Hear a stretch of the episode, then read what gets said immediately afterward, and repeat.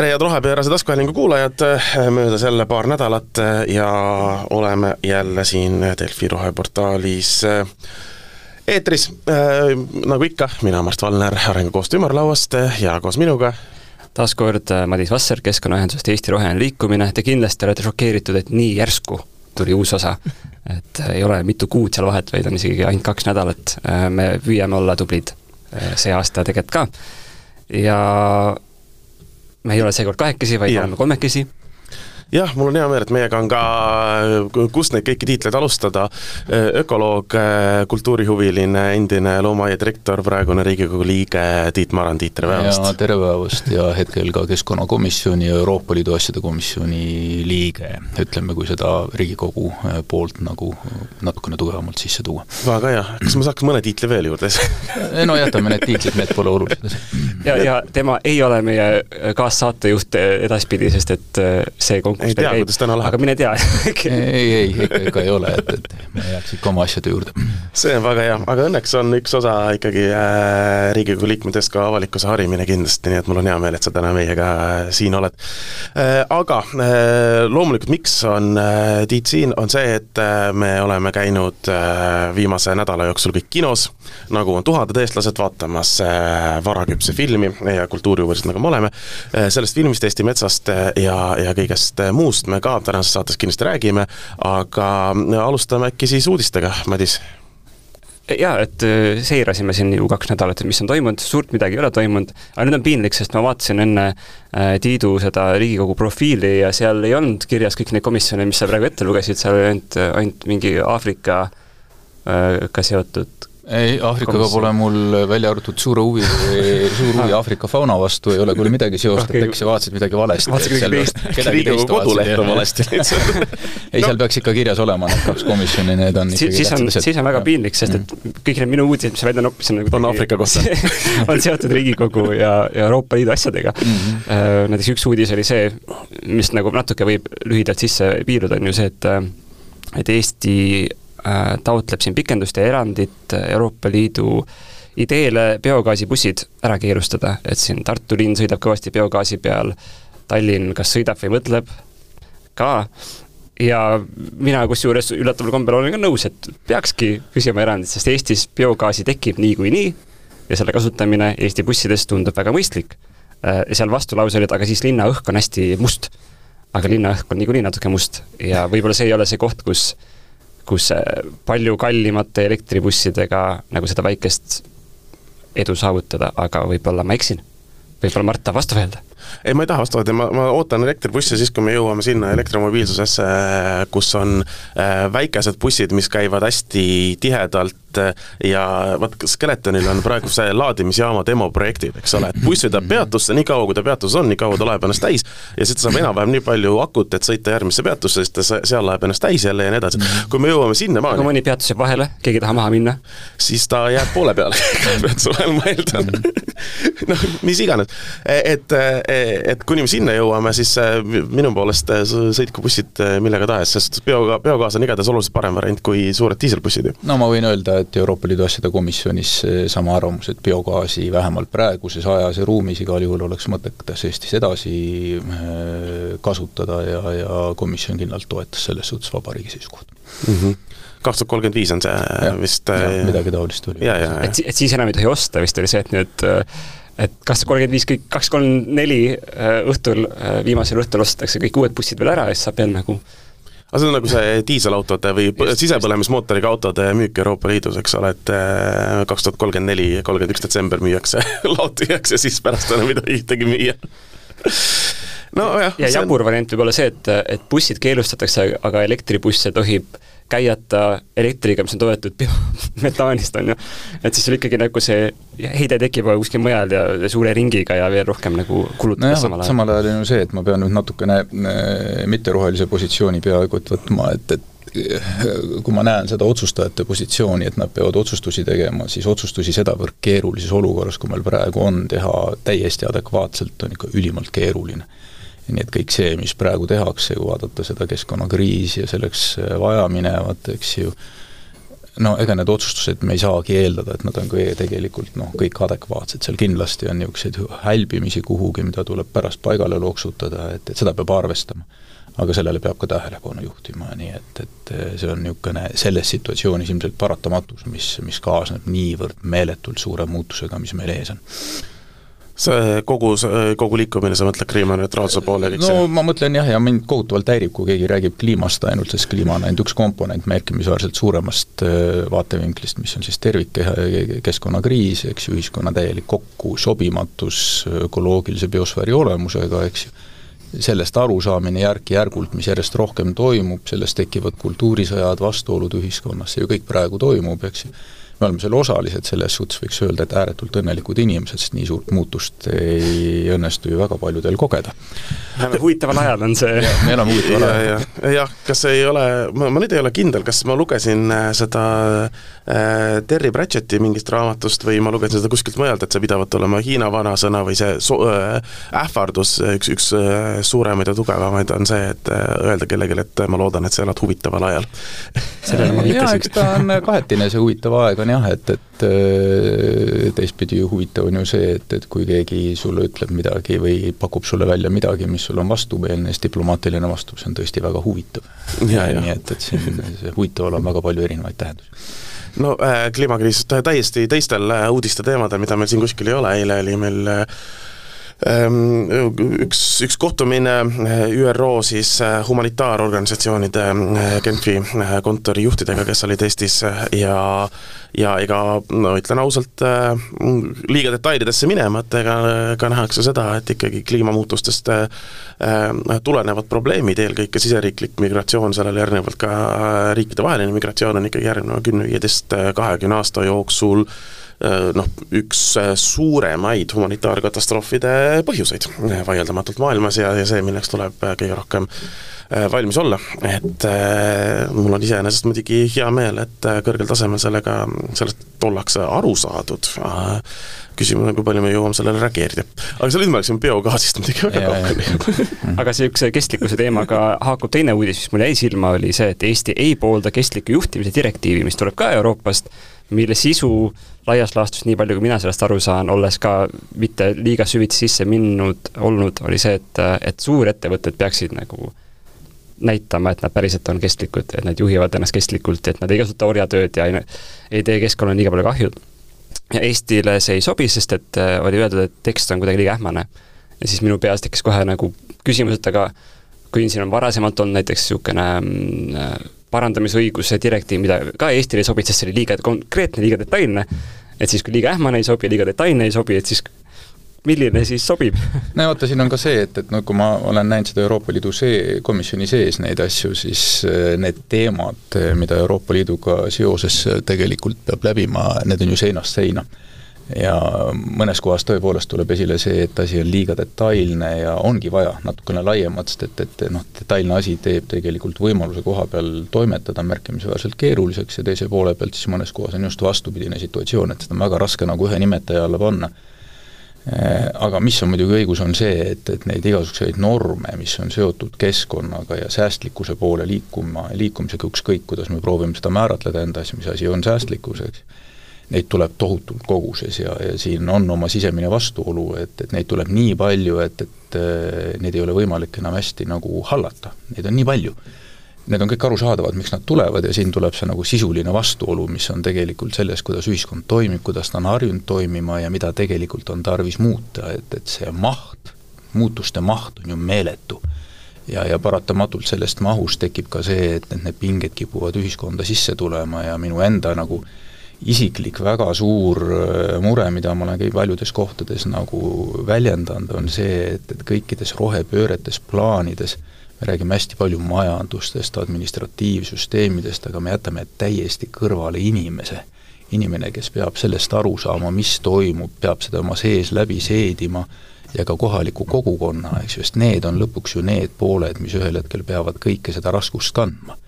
ja midagi ei ole teha, rohepööre, kui me räägime majandusterminites, mis on natukene absurdne, ta on meeletult kallis, ta on uskumatult kallis ettevõtmine ja see tähendab, et, et igal pool majanduslikud süsteemid peavad täielikult muutuma. sellepärast ma ütlen, et see on tohutu muutus nõus täiesti, ma siiamaani endiselt äh,, mulle meeldib küsida inimeste käest küsimusi, millele keegi ei oska vastata, kuna äh, rohepööre või nimetame seda kuidas tahame, on äärmiselt vajalik selle jaoks, et me üleüldse siin maakera peal ellu jääksime, siis äh, miks see üleüldse peaks sõltuma sellest, kui palju kellelgi raha on, et me saaksime seda ära teha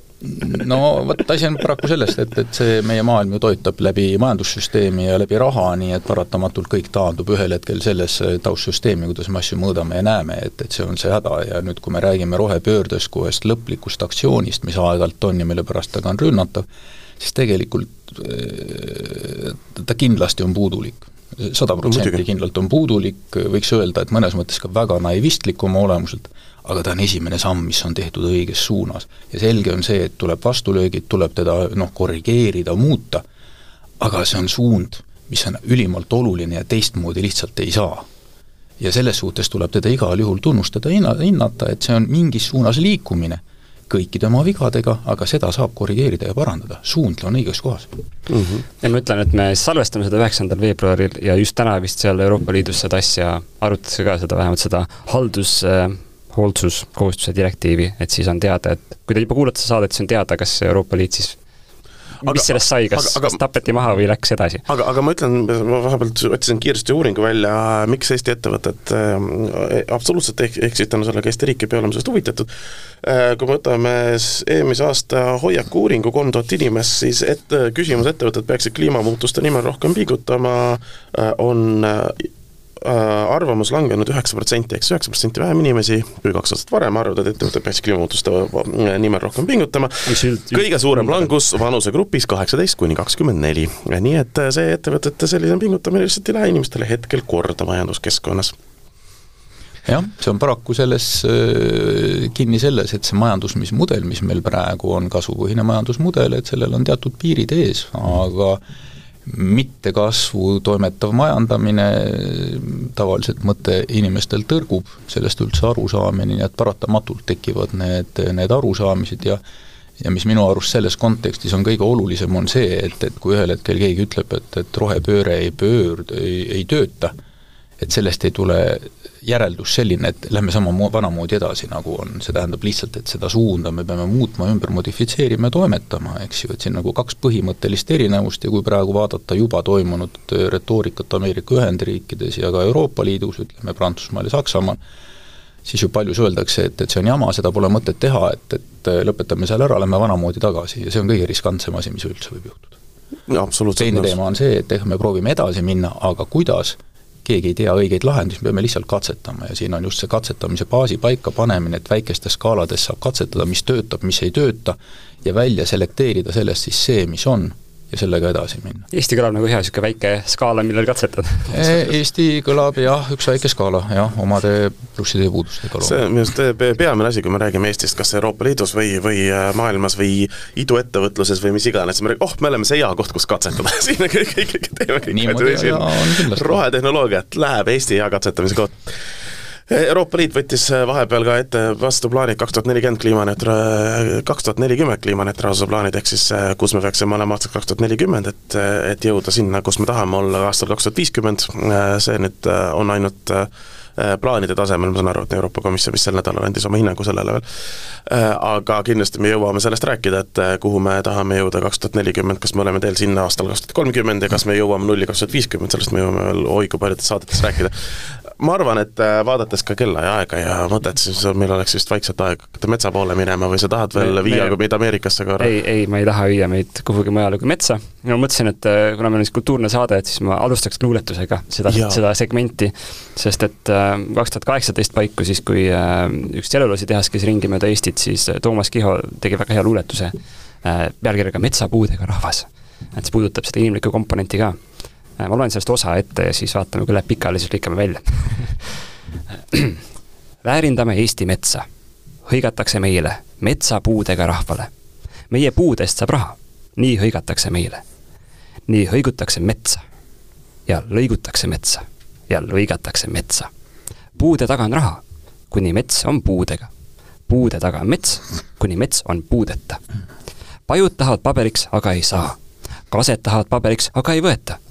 kadakad tahavad veel kõige enam. aga meile, metsapuudega rahvale, on ainult haavad. ja siis ta jätkub, aga me siin ei jätka, kes tahab, loeb Akadeemiast. väga ilus, väga ilus viis sisse viia siis ja, ja ma ütleks siis, et nüüd me hakkame rääkima filmist Vara küps, võib-olla väga detailselt, nii et kes tahab ise enne näha seda filmi, siis ma saan aru, et kolmeteistkümnendal veebruaril toimub üks eriseanss Tiit Maraniga PÖFFi raames jah, peaks toimuma küll, nii palju on isegi mulle öeldud, nii et ja et, et pange pausile, vaadake film ära ja vaadake edasi. või kui te olete see inimene, kes on juba näinud, siis võib-olla on teil huvitav ja kes ei ole näinud, aga tahab olla kinos see, kes teab, mis järgmiseks juhtub, siis ka kuulake edasi. ei no olge, olgem ausad, see ei ole siiski äh, see film, kuigi pealkirjast võiks, äh, võiks isegi seda, seda loota või eeldada, aga see ei ole see film, kus me nüüd äh, järgmise jutu sees ütleme ära, et oi, meil on teil üllatus, lõpus oli plott vist ja tegelikult ülejäänud teener oli mõrvar. et see on ikkagi dokumentaalfilm ja seal ei ole, ma arvan, et arutelu sellest filmist ärakuulamine enne selle filmi nägemist ei tee seda asja hullemaks, võib-olla on, teeb isegi toredamaks ja ja, ja paremaks. Äh, no, võib-olla sina olid niisugune viisakas kinokülaline, kes käis ja vaatas, mina olin see nõme kinokülaline, kes käis ja, ja tippis kogu aeg mobiili äh, samal ajal. ma vihkan neid inimesi. mis need tsitaadid on seal. nii et ähm, vabandan kõigi Elektriteatri külaliste ees, kes minuga koos pidid seanssi jagama, aga ma tegin tööd seal no vot, aga sa oled jällegi oluliselt paremini valmis nii äh,, miks äh, ka üks järgmine põhjus siis, miks on Tiit Vara meiega täna siin sa oled ka siin filmis räägid teadvusest, teadmusest teadmistest ja sellest, kuidas ja kuhu peaks meie haridussüsteem liikuma, et me kõik ütleme, ülikooli tasemel saaksime ja õpiksime ja ja saaksime aru sellest, kuidas loodus meie ümber põhimõtteliselt üldse eh, liigub. Eh, lihtsalt, et kõikide, kes ei ole veel olnud, siis ma ütleks, Madis Vasser on selle au ümber täna ainukene, keda seal filmis ei ole, ma siiski tahaksin rõhutada ma, ma kas ka mina kuulsin enda häält seal? ei, ma olin seal filmis, aga ma nõudsin, et mind eemaldatakse see on esimene, esi-, aga samas see on esimene film, mis jah, ütleme nii, et äh, Eesti dokumentaalidega tihtipeale väga palju äh, skandaale ei saa selle filmi puhul, mis minu meelest, eh, kui me räägime nüüd ingliskeelsest pealkirjast, mis on Vertical Money, mis minu meelest on isegi palju paremini, läheb selle ilmselt luuletusega ka palju paremini mhm, kokku, mhm. eks ole, ehk siis vertikaalne raha. Eh, see, see film sai siis juba, eh, sattus skandaalide keskele, enne kui ta välja tuli, ehk siis inimesed, kes ei olnud enda osa seal näinud, juba nõudsid metsatööstuse poole pealt juba seda, et nende osasid ikkagi välja võetaks, sest et nad ei teadnud, et nad annavad kaamera ees intervjuud andes, see salvestatakse või ma ei saanudki lõpuni täpselt aru, et kus seda kasutatakse. lõpptulemus tulemusena ma ei tea, kas mõni jupp ka välja võeti sealt, äh, nii palju kui mina kinos nägin, oli seal äh, ma nüüd kohe ütlen enda poolt esimese kriitika ära minu arust on, äh, kahjuks liiga vähe vastaspoole arvamust oli seal filmis, aga seda oli olemas, võib-olla võeti osa välja sellest. Ma ei, ma ei oska seda öelda, sest et see minu seisukohalt see küsimus isegi ei päde, sest et Äh, ma rääkisin vist poolteist tundi või oli tund aega mm, -hmm. ma ei mäleta, küsimustele, mis voogasid, eks ju, ja selle kindla teadmisega, et ükskõik, mis ma ütlen, kõike seda materjali võib kasutada. et äh, selle poole pealt ma nagu isegi ei oska nüüd arvestada, et, et kuidas nüüd see vastaspool võiks öelda, et, et ta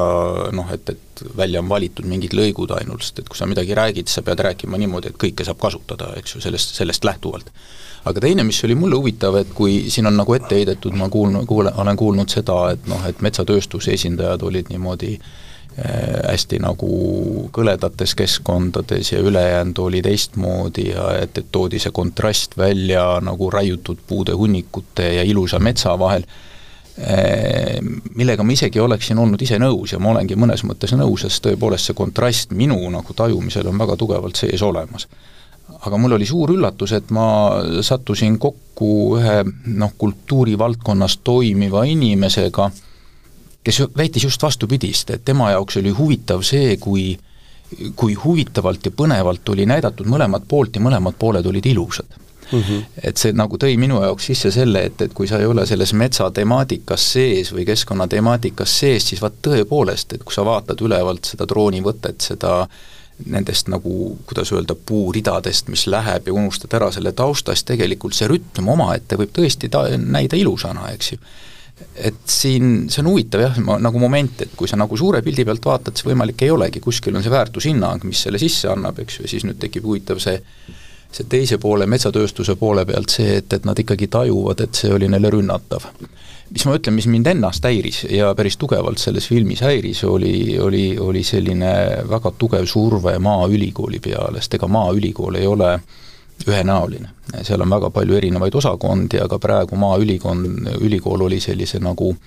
noh, hästi tumeda värviga üle kallatud, millel ei ole põhjust, sest et eh, jah, loomulikult eh, on seal kõike, seal on väga erinevaid maailmanägemisi, eks ju, aga Maaülikool märgina on oluline märk, et sellest mul oli natukene kahju, et niisuguse määrdunud kujuga kuvandi sai seal endale mm. Mina läksin kõik sinna kinno eeldusega, et midagi ei ole välja lõigatud ja sealt siis tuleb metsatööstus, lihtsalt karjub kaamerasse, me võtame kõik maha, aga seda ei olnud, täitsa nagu noh, viisakas jutt väga viisakas jutt oli, jah. ja, ja, ja siit nagu sellest Tiidu mõttest väga hea üleskutse ju filmi autoritele, et aga pandke siis nagu täis äh, intervjuud ka ülesse, ilma lõikamata, et siis on nagu, ei saa keegi süüdistada, et midagi on nagu valitud seal, et siis kuulame seda poolteist tundi. seal on üks teine huvitav asi selle filmiga on ka, et, et see film on juba praegu ajalugu, see lihtsalt näitab, kui mm -hmm. kiiresti see aeg muutub, eks ju ja kui nüüd tuua tänapäevasesse konteksti, kus hetkel on nüüd põhiline vaidlus tuleb selle raiemahtude osas, et kas seda vähendada ja mitte vähendada, mis on kindlasti metsatööstussektorile ääretult val-, valuline teema, kui arvestada, et neil on ju tagant ära kukkunud kogu see uga, odava toorme voog, mis on tulnud, eks ju, Valgevenest ja Venemaalt sisse, nad on väga keerulises seisus, siis seal on tegelikult, minu arust olid Kohari sõnad olid need, kes ütles, eks ju, et metsatagavara ei tohi väheneda mm. -hmm kui metsatagavara ei tohi väheneda, mis on täiesti reaalne asi, siis ainukene võimalus on tegelikult raiemahte vähendada, nii et see on huvitav, et need sõnad, mis on öeldud aasta aega tagasi, tänases päevas omavad hoopis teistsugust tähendust. parafraas, mis ma siis üles kirjutasin filmi ajal, oli see, et, et me ei raiuks rohkem, kui juurde kasvab, aga nii palju kui võimalik et põhimõtteliselt nagu, et see oleks võrdne, et nii palju juurde kasvab, nii palju raiume, aga kuna me keegi täpselt ei tea, palju meil juurde kasvab ja palju meil on, siis see ongi niisugune keeruline küsimus ja ökoloogid ütlevad ühte numbrit ähm,, puidutöösturid ütlevad teist. jaa, see numbrite osa muidugi jäi ka, mm, oli üks teine asi, mis jäi minu, minu jaoks natukene ühepoolseks selles filmis, sellepärast et äh, olles natukene rääkinud inimestega, kes seda süsteemi ka seestpoolt äh, teavad ja, ja on näinud ja, ja Tiit, sina ise ka kindlasti mm -hmm. Riigikogus, Eh,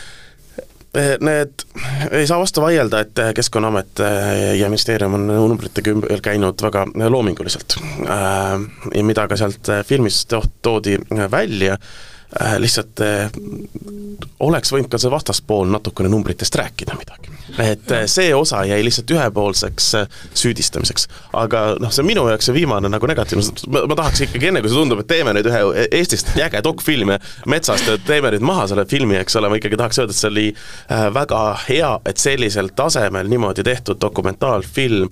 oli kinos Äh, oli kinos niimoodi, et mina käisin seda vaatamas paar nädalat peale esilinastust ja seal oli endiselt, ma ei olnud ainukene inimene, kes oli Apollo kinos Ülemiste keskuses, et äh, see ei ole nagu see, et me tegime kaks seanssi sõpruses ja läksime Matsalu loodusfilmide festivalile, vaid et see sellisel tasemel professionaalselt tehtud dokfilm on Eesti kinos levis ja see on, inimesed tahavad seda näha, see on, ma ütleks, väga hea. Ma ütleks selle filmi kohta veel kaks asja, et, et kui ma kuulsin seda ideed, et teostajad tahavad teha filmi, kus poolteist tundi, peaaegu poolteist tundi inimesed lihtsalt räägivad, no ma ütlesin, et õnne kaasa, tehke. aga nad suutsid sellest teha vaadatava filmi, et, et see näitab seda, et, et, et kui hästi teha asju ja ehitada üles, siis näiliselt väga igav ülesehitus võib siiski töötada, sest see poolteist tundi oli, oli vaadatav. Noh, seal olid mõningad kohad, kus mul tekkisid oma eriarvamused, aga alati on eriarvamused olemas, Äh, ma mõtlen nagu filmidraama mm -hmm. turge mm -hmm. ülesehituse osas, aga see on vaadatav film ja see on üks väga oluline asi ja teine pool, mis mulle väga huvitav oli see, et, et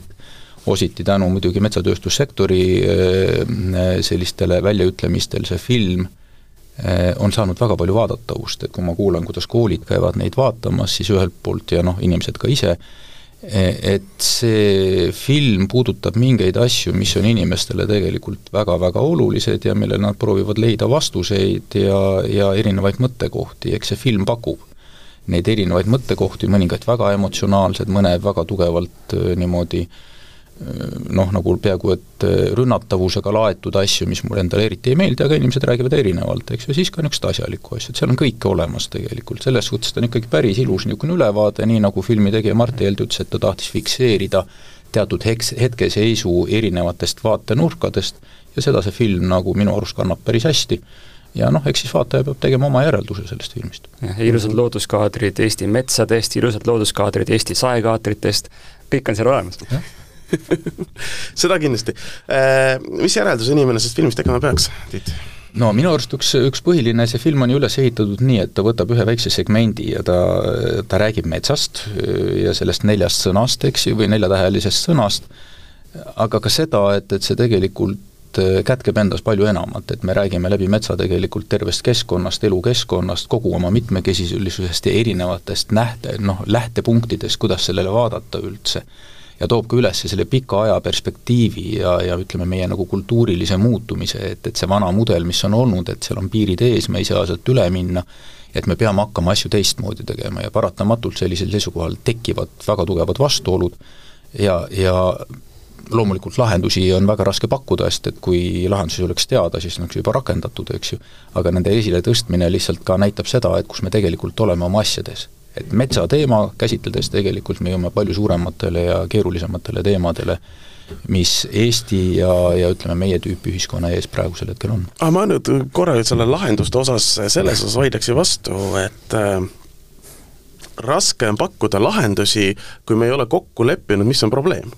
e. e ehk siis selles suhtes, et äh, erinevad äh, noh, nii-öelda, on olemas lahendusi, kuidas efektiivsemalt metsa raiuda ja on olemas lahendusi, kuidas seda teha loodussõbralikumalt, aga meil ei ole kokkulepet, et kummas suunas me peaksime minema. et, et siin ongi nagu raske see lahenduste otsimise, otsimise koht, et eriti tõesti, kui, kui kui me vaatame sellele metsale kui süsteemile, tegelikult laiendame seda, võime üleüldse eluslooduse või looduse peale laiendada, eks ole, et kes näeb raha, kes näeb puid, kes näeb ökosüsteemi, eks ole mm, -hmm. et kui see esmane vaade on ikkagi täiesti erinev, äh, siis, siis, siis, siis ongi väga, väga raske nagu noh, tulevad kaks inimest laua taha ja räägivad täiesti erinevast teemast. No aga, aga, aga sellepärast ma olengi rääkinud sellest häridu-, hariduse komponendist, mis on ääretult oluline, eks ju, et, et mis on mind nagu kõige rohkem on hämmastanud, et kui ma räägin kellegi vastaspoole osa, olu, poolega, siis ta ei suuda seda ökoloogilist konteksti tajuda, keegi ei räägi sellest, et metsa ei tohi raiuda, eks ju, et, et, et, et me peame nagu, nagu üks metsatööstuse esindaja ütles, et me tahame tervet Eestit looduskaitsealaks. Teha, no see ei ole ju nii, absoluutselt ei ole nii. aga praeguses reaalias me peame lähtuma oma keskkonnasse, vaatama hoopis teistmoodi, kuni see on senini toiminud. Ja see ümberminek on keeruline ja põhiline mure on just see, et, et kui me meie haridussüsteem tegelikult toodab inimesi, toodab on halb sõna, aga noh, kasutame seda praegu siin hetkel, kellel puudub ettevalmistus ökoloogilisest süsteemist, biosfääri toimimisest üldse aru saada, kuidas me võime üldse eeldada, et nad saavad teha ratsionaalseid otsustusi? eks, et see on, see on võimatu. et siin on nagu, nagu üks väga põhimõtteline teema, haridusteemad on praegu ju nagunii pinna peal, aga vaat see keskkonna ja ökoloogilise süsteemi komponendi sinna juurde toomine kui me räägime rohepöördest üldiselt, ma usun, et see on üks keskne asi, mis peab ennem ära tegema, et me üldse kuhugi välja jõuaks. mina oma äh, vandenõuradariga nägin kohe, et ahah haridus, ahaa, siin on äh, Metsa- ja Puidutööstuse Liit on teinud aastakümneid tööd Eesti haridussüsteemiga, et tänased otsustajad oleksid piisavalt lollid, et mitte aru saada sellest ökoloogilisest komponendist. väga peen äh, noh, ettevalmistus on olnud, et täna see kõik toimiks, on ju. et võib-olla see on nii võib-olla ei ole ähm, ma tahtsin ka öelda, et see nagu, see suhtlemise, üksteisega rääkimise komponent oli väga huvitav seal filmis, ma panin ka kirja siin, et et isegi siis see metsatööstus tegelikult räägib ju samadest asjadest, samade sõnadega, kuidagi sealt taustal see nagu tähendus on teine, et kui Aigar Kallas, endine RMK juht, ütles, et, et noh, et RMK on metsade kasvataja ja hoidja mm. -hmm. on ju, et nende RMK jaoks mets kasvab siis, kui RMK kasvatab, muidu ei kasva. ja hoidmine tähendab raiumist. mis on puud kindlas kohas aa, sa hoiad, hoiad seal laoplatsil, siis on hoitud. jah, jah ei no tegelikult RMK teeb väga tublit tööd äh, loodusradade ja muude asjade osas, loomulikult äh, ta ei tee nii tublit tööd KAH-aladel raiumises. E, et selles suhtes ma tahtsin enne öelda, muidugi kui me võtame kogu Eesti sada protsenti looduskaitse alla ja me räägime, vaatasime filmi, mis räägib looduskaitsealadel raiumisest, lageraie tegemisest, siis ega seal väga suurt vahet ei ole, eks ole. jaa, no see on kindlasti teemast, et, et äh, siin nagu kaitsealade, kui me räägime nüüd piiranguvööndi mõte on ju tänu sellele, et et et me saame näha seal ainult üksikobjekte ja väga raske on öelda, mida on üksikobjektil tarvis, siis lageraiet sinna sisse viia, juriidiliselt on väga raske öelda, miks seda ei tohi teha. ja vot siin on nagu niisugused põhimõttelised teemad, mis vajavad lahendamist ja mis seisavad tegelikult just nüüd ette ees, kui ühel hetkel metsaseadus tõesti, ma loodan, et ta ikkagi lõppude lõpuks võetakse lahti ja hakatakse muutma. seal tuleb muuta. Aga kas selleks jätkub ka seda nagu poliitilist nagu pikaajalisust, perspektiivi nägemist, et see tehakse ka niimoodi, et tõepoolest see piiranguvööndis lageraie ja veergaraie kinni panna, igasugune raie loomulikult mitte, sest ka seal raiet tulebki teha, eks ju, mõningates kohtades vot see on nüüd niisugune huvitav küsimus, vaatame, kuidas see toimib. praegu on vist üks rahvaalgatus ka jooksmas, mis jällegi kutsub üles otsustajaid siis otsustama, et, et kaitsealadel äh,, pean nüüd vaatama täpselt sõnastust, aga, aga et ärge pär nii palju ka kaitsealadel lageraie keelus, keelustamist põhimõtteliselt ja ma hakkasin mõtlema, kuidas seda kõike saaks äh, ikkagi haridussüsteemi sisse panna, ma kujutan ette seda matemaatikatundi, eks ole. Juku võtab maha viis puud ja Karl võtab maha neli puud, mitu jänest jääb koduta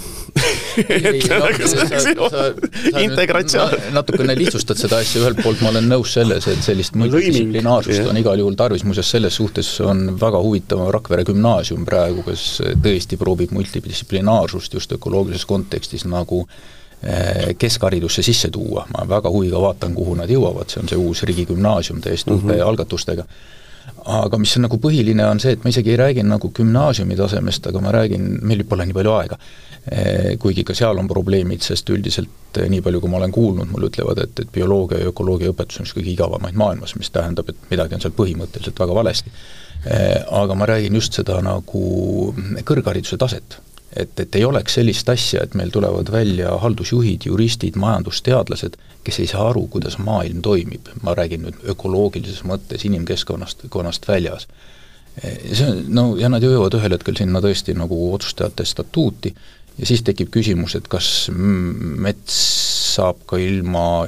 istutamata kasvama, eks ju, mis ilmselgelt näitab, et inimesel ei ole üldse arusaamist niisugust põhimõttelistest, kõige elementaarsematest ökoloogilistest põhimõtetest mm. -hmm. ja kui, kui see ühiskond on taoline, siis loota, et, et ta muutuks ühel hetkel selliseks, mis võiks olla kooskõlas reaalselt oma keskkonnaga,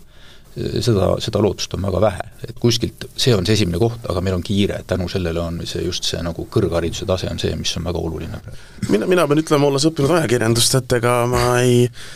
oli küll sissejuhatus juurasse ja oli sissejuhatus majandusse, aga sissejuhatust ökoloogiasse ei ole mina veel näinud ajakirjandusõppes. aga võib-olla siin on need head analoogid, mis, mis aitavad, et seesama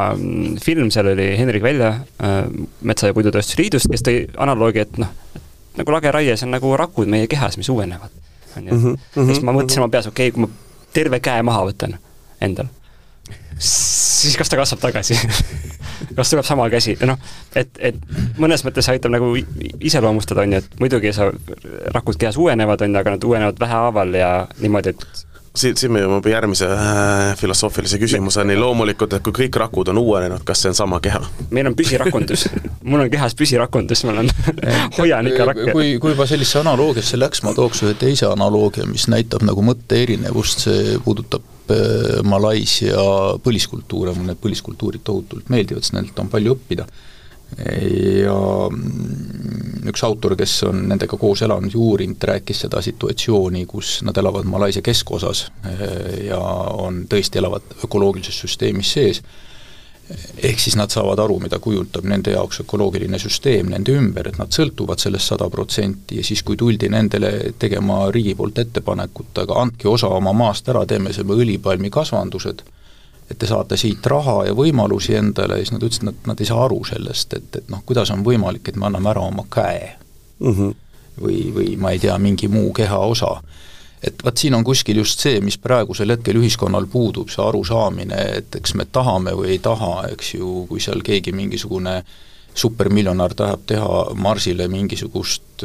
kolooniat, kas ta teeb seda või ei tee, see on ükstapuha, aga isegi kui ta teeb, ta jääb nabanööri pidi sellesse biosfääri kinni, sellest ei ole võimalik teistmoodi toimetada, et see on paratamatus. Ja vot seesama meie sotsiaalne keskkond, kus me oleme, peame aru saama sellest, et see, mis on meie ümber, see ökoloogiline süsteem, me sõltume sellest sada protsenti, me ei saa ilma selleta hakkama. aga praeguses hetkes see arusaamine on tegelikult ühiskonnas väga tagasihoidlik, kui üldse no minule jäi sealt äh, Metsa- ja Puidutööstuse Liidu väljaütlemistest hästi silma see ja kuidas nad otsivad seda sotsiaalset litsentsi, et, et me teeme head asja, et see olid nagu tsitaadid, noh, me teeme seda ühiskonna hüvanguks, me peame üldse mõtestama, kas inimene siis on väärtus või ei ole, et nagu puidutööstuse arvates on ja siis noh, tema vihje oli seal, Hendrik väljendas, et nagu ökoloogid ei näe inimeses väärtust, vaid nad tahavad noh, võtta kõik mugavused ära. et äh, et seda peab ka siis nagu, et ma näen, et siin saaks nagu jätkufilmi teha selgelt, kus, äh, kus nagu süveneda nendesse väidetesse ja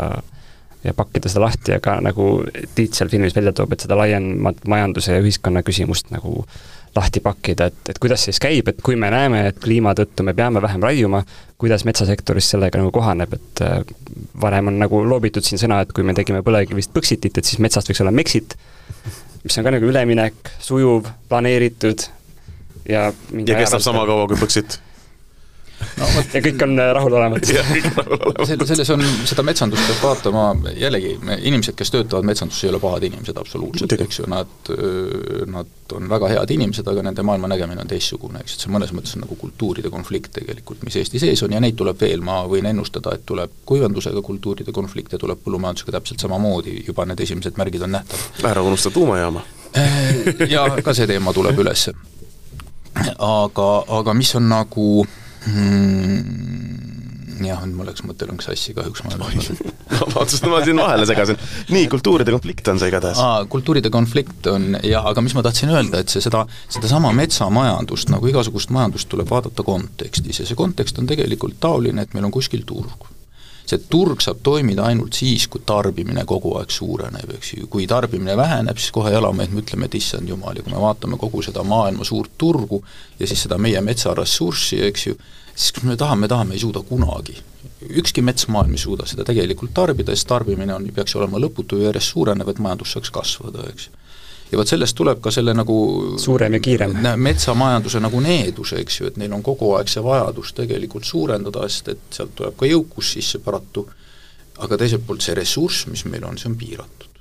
ja vot nüüd on see küsimus, et lõpuks me jõuame sinna välja, et see praegune majandusmudel, mis on üles ehitatud lõputu kasu peale, see lihtsalt ei toimi et me oleme selle piiri peal, kus me peame ütlema, et me oleme ökoloogilises kitsikuses, mitte selles külluses, kus me olime eelmisel sajandil. Ja vastavalt sellele peab ka tegema muutuseid ja neid muutuseid, kui keegi teab, kuidas neid teha, no siis ta oleks jumal, me ei tea, kuidas neid teha, aga me peame järjest rohkem leidma neid võimalusi, kuidas seda ühiskonda hakata vaikselt ümber kurundada, aga niimoodi, et, et see inimestele oleks võimalikult vähe valulik jah, näeme ikkagi inimest ka selles süsteemis, eks ole. metsa- ja Puidutööstuse Liidul oli siin konkreetne pakkumine selles filmis, et Margus Kohav ütles, et ja see on ainuke koht, kus ma arvan, et filmitegijad oleks saanud, kui nad oleks tahtnud natuke lõigata, et ta ütles niimoodi väikse keeleväärtusega, et ta rääkis, et et Keskkonnaministeeriumi all on, on, on liiga palju asju korraga, et metsade majandamisega peaks teenima mõni teine ministeerium, siis tahtis öelda tegelema, tegelema mm, -hmm. mitte teenima. et see, seda oleks saanud välja lõigata, autorid ei lõikanud. ma arvan, et see oli teadlikult mitte lõigatud, ka mulle jäi see silma, kõrva, kõrva., kuidas pidi öelda. keele peale. mina ei märganud seda ausalt öeldes aga see jäi mulle ka kohe esimese hetke appi ja noh, võib-olla see aitab midagi, võib-olla see aitab midagi. et noh, vähemalt rohkem niisugust võimude lahusust või muidu on niisugune jah. nojah, aga see on jälle näitab, et see film on ajalugu, sest hetkel on, on ministeeriumite struktuurid nii palju muutunud, et, et see vana arvamus, et mets võiks tulla Keskkonnaministeeriumi alt Majandusministeeriumi alla, sest et neid väljaviskeid on ju olnud siin mm -hmm. ajaloos, lähiajaloos päris palju see enam ei ole adekvaatne, sest ministeeriumite enda struktuurid on muutunud mm, -hmm. kõik on hoopis teistmoodi. Kliimaministeerium, kus on veel rohkem asju koos. jah, jah, ikkagi me, kliimaministeeriumi alla lähevad ka kõik metsaelanikud, ehk siis eh, puud, loomad ja kiiruskaamerad metsateedel on ikkagi kliimaministeeriumi all, mis on minu jaoks endiselt natuke imelik. see on, see on loomulik liik Eestis. ei tohi ära unustada kindlasti kliimaministri Kristjan Michali väga õiget väljendit, et majandus peab jääma loodusega ette seatud piiridesse, et see on väga oluline ja väga täpne määratlus ja seda peab meeles pidama.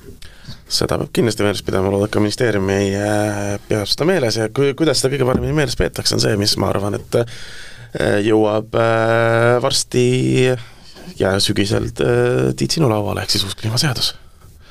no kui ta jõuab, ma kui usun, et, et selle tegemine võtab natukene rohkem aega, et, et eh, see on märkimisväärne väljakutse, et ma huviga ootan, mis sealt tuleb, eks ju, aga eks aeg näitab. möödunud nädalal oli ka suur konverents, et kui kaugel on kliimaseadus, mida ei mina ega Mart ei jälginud, nii et me ei tea, kaugel see on. mina jälgisin seda aga, aga ma jah, ei, ei tahaks siit teemast sellesse teemasse minna. see on väga aus, aga ma, nii. ma, ma veel siia lõppu, üks nukker hetk selles filmis oli see, et ma ei näinud seal Indrek Vainut, kes oleks kindlasti väga värvikas metsasõdalane, aga ta on kunagi öelnud kuskil, et et metsasõda on kaotatud, kõik kaotasid. ökoloogid kaotasid, metsatöösturid kaotasid endaga pikas plaanis, nagu me oleme teinud pöördumatut kahju ja nüüd tagasi selle filmi juurde tulles, seal oli ka lõpus mainitud, et noh, et mis seal olid kaheksakümmend protsenti nendest raietest looduskaitsealadel on olnud viimase viie aasta jooksul või midagi sellist, et siis mul tekkis mure ja te võite mind kuidagi nüüd lohutada, on see, et äkki see film veelgi kiirendab nüüd seda raiet. sest et noh, nüüd on jälle avalikkuse huviorbiidis on ju viimased viis aastat on juba olnud väga suur diskussioon ja raied muudkui kiirenevad mm. -hmm äkki see film tegi halba? et mida suurem on tähelepanu, seda rohkem raiutakse? ei tea, ma, ma arvan, et see nii ei ole, aga minu jaoks on nagu huvitav see, et mis ma olen kogu aeg nagu kahtlustanud, et et, et suured muudatused tegelikult ei tule mitte niivõrd palju teadustest ja numbritest, aga tuleb humanitaariast ja, ja kuvanditest ja kultuuri poole pealt. sest et see on see, mis tegelikult äh, mingisugused teadmised, põhitõed rõiastab sellisesse vormi, mis jõuab inimestele lähedale. ja see film on, on selles suhtes ülioluline, et ta tegelikult teeb seda, ta toob nagu konkreetselt inimestele visuaalis nähtavale need asjad, need persoonid, need inimesed, kes räägivad, ma arvan, et, et, et see film, paljud asjad on paljude inimeste jaoks palju paremini paika pandud. seda kindlasti, ma olen väga nõus, et äh, see kultuuri osa, kas me näeme eh, metsas puid või midagi rohkemat mm, -hmm. on, on see, millega peaks eh, peaks enda jaoks selgeks tegema. või on ainult haavad. või on ainult haavad, jaa, see on väga ilus, ma arvan, et see väga poeetiliselt ja natuke kurvalt Madise jaoks me selle saatega tänaseks lõpetame. kolmteist veebruar oli see, kus saab tulla PÖFFi eriseansile koos Tiit Maraniga seda filmi uuesti vaatama ja ja, ja pärast arutama, ma olen kindel, ja muul ajal loomulikult pange lihtsalt Google'isse varaküps ja linastus ja minge vaatama ükskõik missugusesse suuremasse kinosse. meie oleme jälle tagasi loodetavasti natuke vähem kui, kui paari nädala pärast või vähem kui kuu pärast teeme kiiresti seekord no äkki paar nädalat äh, kannatab ja siis yeah. rohkem ei kannata. kas, kas Tiidul on veel mingeid lõpu, lõpumõtteid? ei, üks põhiline mõte on ikkagi see, et, et see nagu kippus kangesti pessimistlikuks jääma, et ja, ja. pessimism on elus kõige viletsam elustrateegia üldse, mis on, sest kui sa ütled midagi, et ei saa, siis ei saagi. ei, ma, me oleme, ma, ma ütleksin, et me, me väljendame võib-olla pessimistlikult, aga me oleme väga optimistlikud selles osas, et asjad on pessimistlikud ei, selles mõttes, ja kui kinno minna ja seda filmi vaadata, siis minu arust on palju hetki, kus saab naerda siis kas siis nagu ki-, kibedalt või siis äh, rõõmuga või lihtsalt, äh, lihtsalt nagu äh, mõnuleda nende ilusate kaadrite, kus droon lendab läbi lumesaju metsa kohal, see oli väga ilus, aegluubis ka kõik muidugi no,. absoluutselt. ja, ja äh, muusika oli seal taustal ka mm, väga hea jah, väga hea kõrgekvaliteediline Eesti film, täna selline metsasaade, kui, kui kuulajatel on veel mõni mõte või midagi, mida tahaks rääkida ja või kelle võiks külla kutsuda, siis palun kirjutage joanna.laast.delfi.ee ja kõik meie saated on kuulatavad Delfi taskus, Spotify's ja Apple Podcasts keskkonnas, laadige alla kuus Delfi tasku äpp saadaval nii App Store'is kui Google Play's, see on seina peal kirjas. väga tubli. Super, seekord oli meeles.